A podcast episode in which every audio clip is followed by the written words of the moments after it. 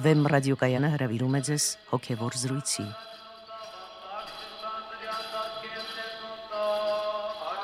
Սիրելի ունկնդիրներ, Վեմ ռադիոկայանի եթերում են արժանապատիվ Տեր Մեսրոպ Քահանա Արամյանը եւ Արա Սարգսակ Նալչաջյանը։ Այսօր մենք կզրուցենք առաքելականության մասին։ Օրհնեցեք Տեր հայր։ Աստված օրհնի։ Տեր հայր, հավատամքի ժամանակ այսպիսի խոսքեր ենք ասում. Հավատամ եւ իմի միայն հնդանրական եւ հառաքելական Սուրբ Եկեղեցին։ Նաեւ մեր եկեղեցին կոչվում է հայ առաքելական եկեղեցի։ Ինչ է այստեղ նկատի առնվում առաքելական բառով։ Արդյոք դա պատահական ինչ որ եզր է թե որոշակի նկատառումով է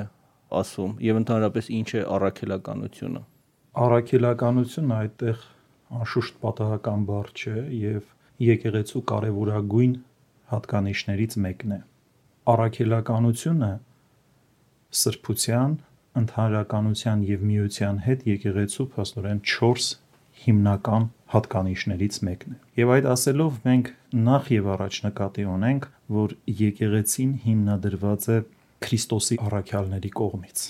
Պատմականորեն հիմնադրված է Իհարկե, երբ որ մենք ասում ենք պատմականորեն հիմնադրված է, դա չի նշանակում, որ դա մի անգամ եղել եւ վերջացրել է եւ ընդհանրապես մենք խոսում ենք ինչ-որ պատմական մի իրադարձության կամ պատմական մի փաստի մասին։ Եկեղեցու առաքյալները Քրիստոսի եկեղեցու կենթանի հիմքերն են։ Այսինքն նրանք այսօր նույնպես ներկայ են Քրիստոսի եկեղեցում իրենց կենթանի բարեխոսությամբ եւ նաեւ այն շնորները, որոնք գործում են Քրիստոսի եկեղեցում, առաքելական ձեռնադրության շարունակականության միջոցով ենք մենք ստանում։ Սա շատ կարևոր հանգամանք է։ Այսինքն, երբ որ մենք ասում ենք առաքելականություն, մենք նկատի չունենք մի փաստ, որ տեղի է ունեցել 2000 տարի առաջ, այլ մենք նկատի ունենք որոշակի շնորների կենթանի շարունակականություն։ Սա շատ կարևոր հանգամանք է։ Եվ անշուշտ պայման է, որ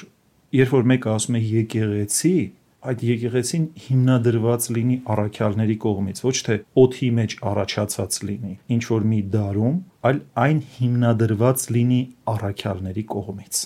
Որպեսի այդ հավաքը ժողովրդի այդ ամբողջությունը, որը կոչվում է եկեղեցի կամ Քրիստոսի կենթանի մարմին, խորհրդական մարմին, ունենա կենթանի հաղորդակցություն առաքելական շնորների հետ, որպեսզի այդ շնորները փոխանցված լինեն այն կերպով, ինչպես որ այդ շնորները փոխանցվեցին մեր Տեր Հիսուս Քրիստոսից եւ առաքյալները ստացան Պենտեկոստեի օրը։ Դեր է, իսկ եթե հատկապես առաքյալների ձեռքով հիմնադրված չլինի տվյալ եկեղեցին, տվյալ ռեգիոնի շրջանի եկեղեցին, այլ մի քանի սերունդ նրանցից հետո նրանց հաջորդների ձեռքով, արդյոք դա նույնպես կհամարվի առաքելական եկեղեցի։ Անշուշտ դա կհամարվի առաքելական եկեղեցի, եթե այդ եկեղեցին հիմնադրված է առաքելական հաջորդականության շնորհիվ, եթե խզված չէ այդ հաջորդականությունը։ Դա չի նշանակում ամենևին էլ, որ եթե մի որևէ ժողովուրդ օրինակ դարձի է եկել 8-րդ դարում եւ մկրտվել է ի Քրիստոս, ուրեմն ինքը առաքելական չէ։ Կարևոր է, որ ինքը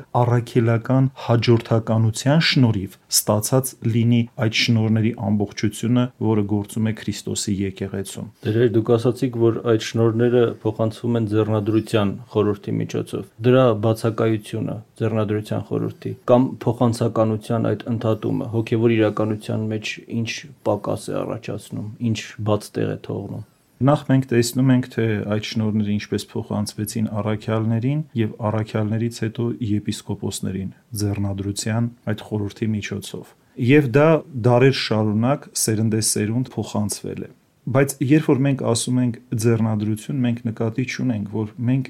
սոսկ ինչ որ շնորհներ ենք ստանում որևէ պահի,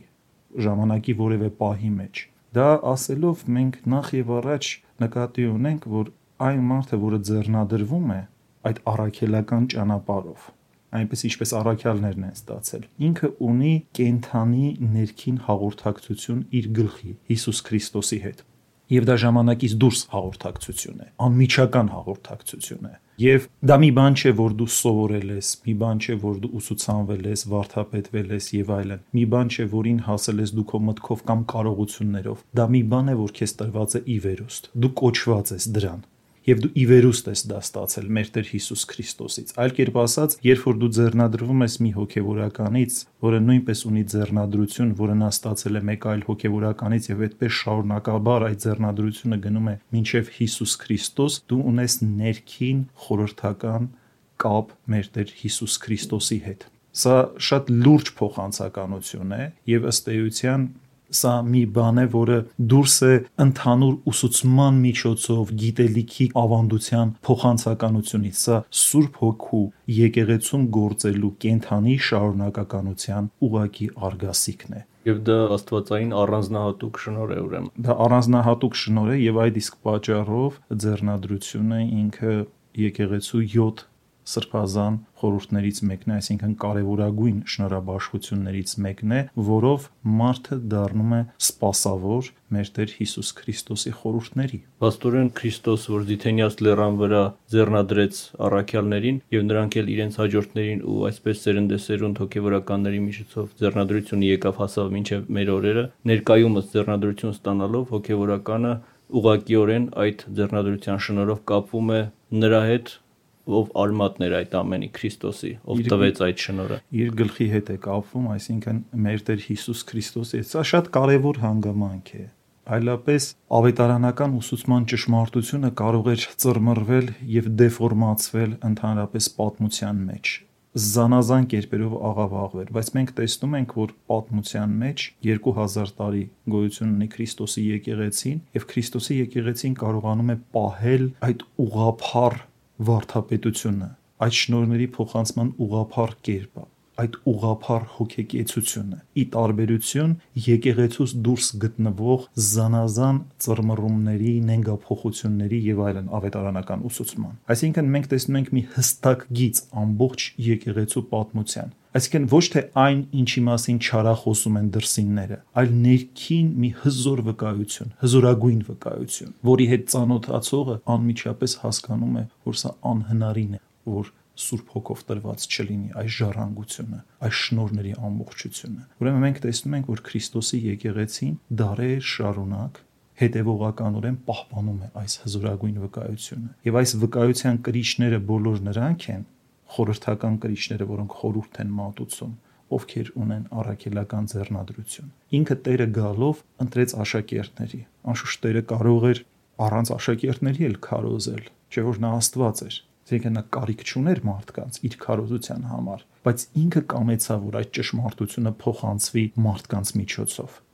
որպեսի մարդիկ նույնպես դառնան մասնակիցներ աստվածային գործերի։ Տեր հայր Պողոս Առաքյալը Քրիստոսի եկեղեցին համեմատելով տաճարի շինության հետ, ասում է, որ այն կառուցված է առաքյալների եւ մարգարեների հիման վրա, որի անկյունակարը Քրիստոս Հիսուսն է։ Նաեւ հայտնության գիրքը խոսելով Նոր Երուսաղեմի մասին ասում է քաղաքի Պարիսպն ուներ 12 հիմքեր։ Նրանց վրա գառան 12 առաքյալների 12 անունները ինչով է պայմանավորված եկեղեցու խորհրդական կառույցի հենց այդպիսին լինելը, թե այժմ թե հավիտենականության մեջ, առաքյալների այդ դիրքը։ Արդեն ասացինք, որ եկեղեցու հիմքը առաքելական է եւ Պողոս Առաքյալի Եփեսացիներին ուղված երկրորդ գլխի այս վկայակոչությունը ուղակի բանալի է հասկանալու համար այդ աստվածաբանական դրույթը։ Առաքյալները եկեղեցու հիմքն են Դա շատ կարևոր է եւ նաեւ Պողոս Արաքյալը իր այդ խոսքի շարունակության մեջ ասում է, որ այդ հիմքի վրա շարունակաբար նոր աճումով կառուցվում է Քրիստոսի եկեղեցին։ Սա արդեն նշանակում է, որ այդ հիմքը դրված է մի անգամ եւ մեկ ընդմիշտ։ Այսինքն հնարավոր չէ, որ ի հայտ գան նոր հիմքեր կամ այսպես կոչված ճակերտավոր նոր առաքյալներ։ Այսինքն առաքելականություն ասվածը անշուշտ ունի պատմականություն, բայց իր խորհրդական նշանակությամբ ինքը ուղակի նշանակում է որ դա արդեն դրված է մի անգամ եւ մեկընդմիշտ մենք չենք բացառում առաքելական շնորհների գործունեությունը դարեր շարունակ ընդհակառակը պնդում ենք, որ այդ շնորհները միշտ գործել են եւ փոխանցվել են Սուրբ Հոգու միջոցով, բայց բուն առաքելականություն հասկացողությունը, ինչպես նաեւ մարգարեություն հասկացողությունը, ինքը ունի նաեւ որոշակի պատմական դրսևորում պատմախորհրդական դրսևորում։ Այսինքն կարող են լինել նոր մարգարեական շնորհով օժտված մարդիկ կամ կարող են լինել առաքելաշնոր հայրեր, բայց առաքյալներ հասկացողությունը ինչպես 12 առաքյալներ կամ առաքյալներ, որոնք դրված են արդեն Քրիստոսի եկեղեցու հիմքում եւ որի վրա կառուցվում է Քրիստոսի եկեղեցին, սա այլ հասկացողություն է։ Սա արդեն ունի իր պատմա խորհրդական կտրվածքը։ Սա շատ կարևոր է, որտեղ այլապես մարդիկ ցանկացած մեկին, որը ունի քարոզելու շնոր կամ օժտված է ինչ-ինչ բաներով, կարող են հորժորջել առաքյալներ։ Ցավոք սրտի այսօր էլ կատարվում են այդպիսի բաներ։ Օրինակ, վկայակոչվում է Պողոս Արաքյալի պարագան Օրինակ ասում են, որ Պողոս Արաքյալը 12-ից մեկը չէր, ինչպես ինքը դարձավ Արաքյալ, կամ խոսում են նաև այլ Արաքյալների մասին Սուրբ գրքում։ Ինչպես եղավ։ Սակայն այսպես պնդողները ուշադրությամբ չեն կարդում Սուրբ գիրքը։ Նախ երբ որ Պողոս Արաքյալը Դամասկոսի ճանապարհին կուրացավ եւ դարձի եկավ, ինքը անմիջապես չդարձավ Արաքյալ։ Ասում է, որ նրա վրա ձեռք դրեց Անանիա անունով մի աշակերտ բայց սա նույնպես դեռևս չի նշանակում առաքելական ձեռնադրություն։ Սա ուղղակի նշանակում է, որ Պողոսը կամ Սողոսը ստացավ Սուրբ Հոգին, այսինքն քրիստոնյա դարձավ բայց առաքելական ձեռնադրության մասին արդեն հստակորեն ակնարկ կա գործք առաքելոցի 13-րդ գլխում։ Եթե կարելի է, ես ընթերցեմ այդ հատվածը։ Անտիոքում գտնվող եկեղեցում կային մի քանի մարգարեներ եւ ուսուցիչներ՝ Բարնաբասը եւ Շմավոնը, որ կոչվում էր Նյուգեր, Ղուկիոս Կյուրենացին, Մանայենը, որ Հերովդես 4-րդապետի դայեկորթին էր, եւ Սողոսը։ Մինչ նրանք տիրոջ պաշտամունքի մեջ էին եւ ծոմ էին պահում, Սուրբ Հոգին ասաց նրանց. Բարնաբասին եւ Սողոսին առանձնացրեք ինձ համար, որ անեն այն գործը, որին ես դրանց կոչել եմ շատ կարևոր պահ է, որ Սուրբ Հոգին ասում է, որ առանձնացրեք հատուկ արդեն առաքելության համար։ Այն ժամանակ ծոմ պահելով եւ աղոթելով ձեռք դրեցին նրանց վրա եւ ուղարկեցին։ Ինչպես տեսնում եք 5 հոգու մասին է խոսվում, որոնք աղոթեցին, ծոմ պահեցին, որ նույնպես շատ կարևոր է, եւ ապա ձեռք դրեցին երկուսի վրա։ Նշանակում է այդ երկուսի վրա ձեռք են դրել 3 հոգի։ Սա առաքելական ձեռնադրության մասին է խոսում։ Եվ ինչպես այժմ Քրիստոսի եկեղեցին պահպանել է, որևէ եպիսկոպոսական ձեռնադրության ժամանակ պայման է, որ նվազագույնը 3 եպիսկոպոսներ ձեռք դնեն նրա վրա դրանով փոխանցվում են առաքելական շնորհները։ Ինչպես տեսնում ենք, որոշակի ժամանակահատված կա, այսինքն նախ Սողոսը կոչվում է քրիստոնեության, ստանում է Սուրբ Հոգին եւ ապա կոչվում է հատուկ առաքելության, դառնալով Քրիստոսի եկեղեցու մեծագույն առաքյալներից մեկը։ Տերը իր նաև Տերը առաքյալներին ասում է, որ նրանք պիտի 12 աթոռների վրա դատելու Իսրայելի 12 ցեղերին։ Ինչու հատկապես 12 առաքյալները։ Գիտեք, արդեն մենք ասացինք նրա մասին, որ երբ որ մենք ասում ենք Քրիստոսի առաքյալներ կամ առաքելականություն, դրա մեջ 12 առաքյալների հանգամանքը ունի շատ կարևոր նշանակություն Սա արդեն պատմության մեջ կատարված իրողություն է։ Այսինքն այդ 12 թիվը չեն կարող լրել այլոք, կարող են լինել այլ առաքյալներ, կարող են լինել 72 եւ այլ առաքյալներ, բայց 12-ը մնում է 12, որովհետեւ այդ 12-ին հատկապես ընտրեց Հիսուս Քրիստոս։ Գոյություն ունի Քրիստոսի եկեղեցում շնորների զանազանություն։ Նշանակում է այդ 12-ին հատուկ եւ առանձնահատուկ շնորներ էին տրված։ Նույնիսկ երբ որ այդ 12-ից մեկը ընկավ, այսինքն Հուդան, նրա փոխարեն ընտրվեց մեկ ուրիշը, որպեսի լրացվի այդ 12 թիվը։ 12-ը ունի շատ կարևոր խորհրդական իմաստ եւ նշանակություն եւ ընդհանրապես եկեղեցու հայրերը մեծ տեղ են հատկացնում 12-ի մեկնությանը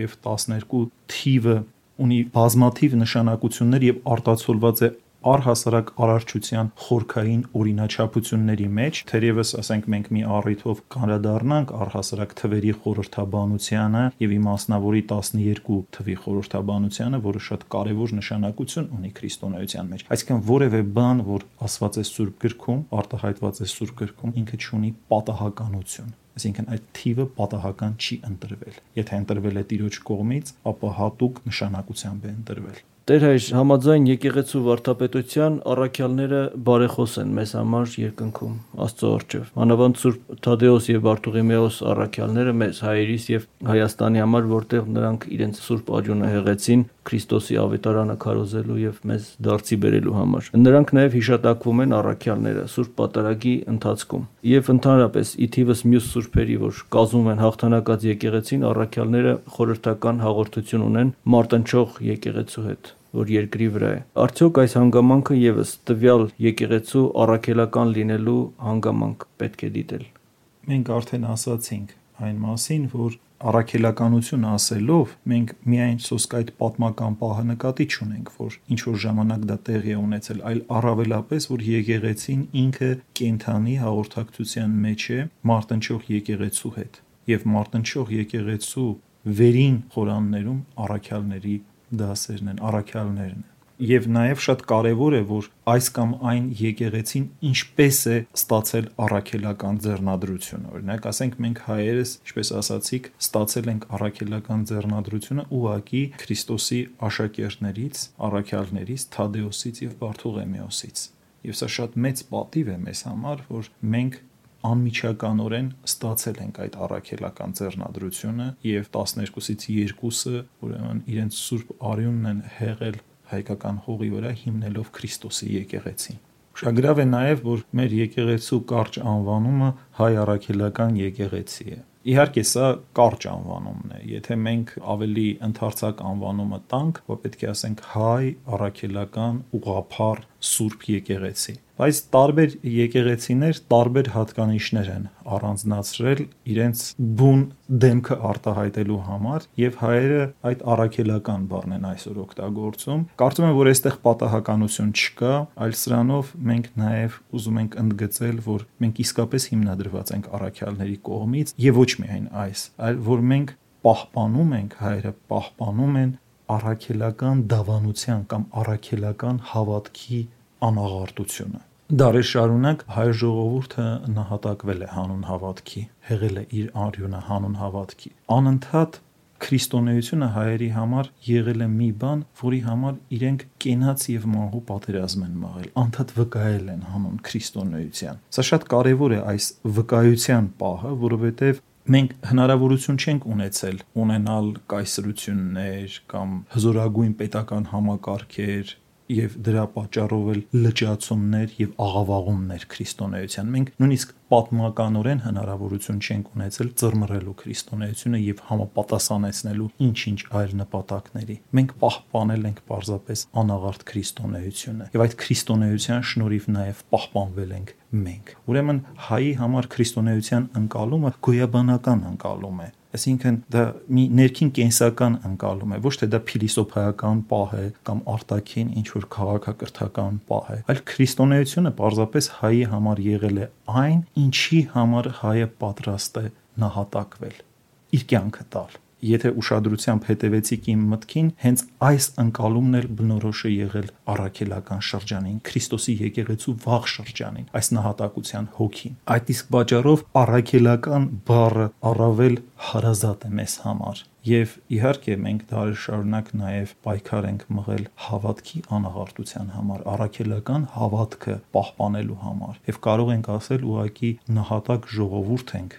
հանուն առաքելական անաղարտ սուրբ հավատքի։ Եվ սա նաև մեր վկայության ամենաբաղկացուցիչ մասն է։ Վկայություն, որը պատկանում է արդեն մեր ինքնությանը ով ենք մենք եւ ինչ վկայություն ենք կրում։ Երբ որ ասում ենք ով ենք մենք, սա շատ կապված է նրա հետ, թե մենք ինչ պատմական վկայություն ունենք եւ ինչ կենթանի վկայություն ունենք այսօր։ Ուրեմն մեր վկայությունը եւ ինքնությունը կապված է մեր առաքելական հավատքի հետ։ Սա շատ կարեւոր փաստ է եւ կարեւոր է որ մեր ժողովուրդը գիտակցի այս փաստը եւ գիտակցի այն առաքելությունը, որին որ ինքը կոչված է։ Շնորհակալություն Տեր հայր, թույլ տվեք սրանով եզրափակել մեր այսօրվա զրույցը առաքելականության մասին։ Սիրելի ունկնդիրներ, իմ զրուցակիցն էր արժանապատիվ Տեր Մեսրոպ Քահանա Արամյանը։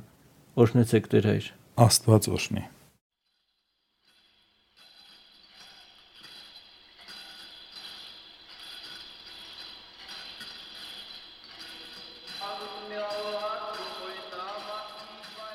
Հոգևոր զրույցներ հաղորդաշարի հերթական հաղորդումը վարեց Արաս Սարգսակ Նալչաջյանը։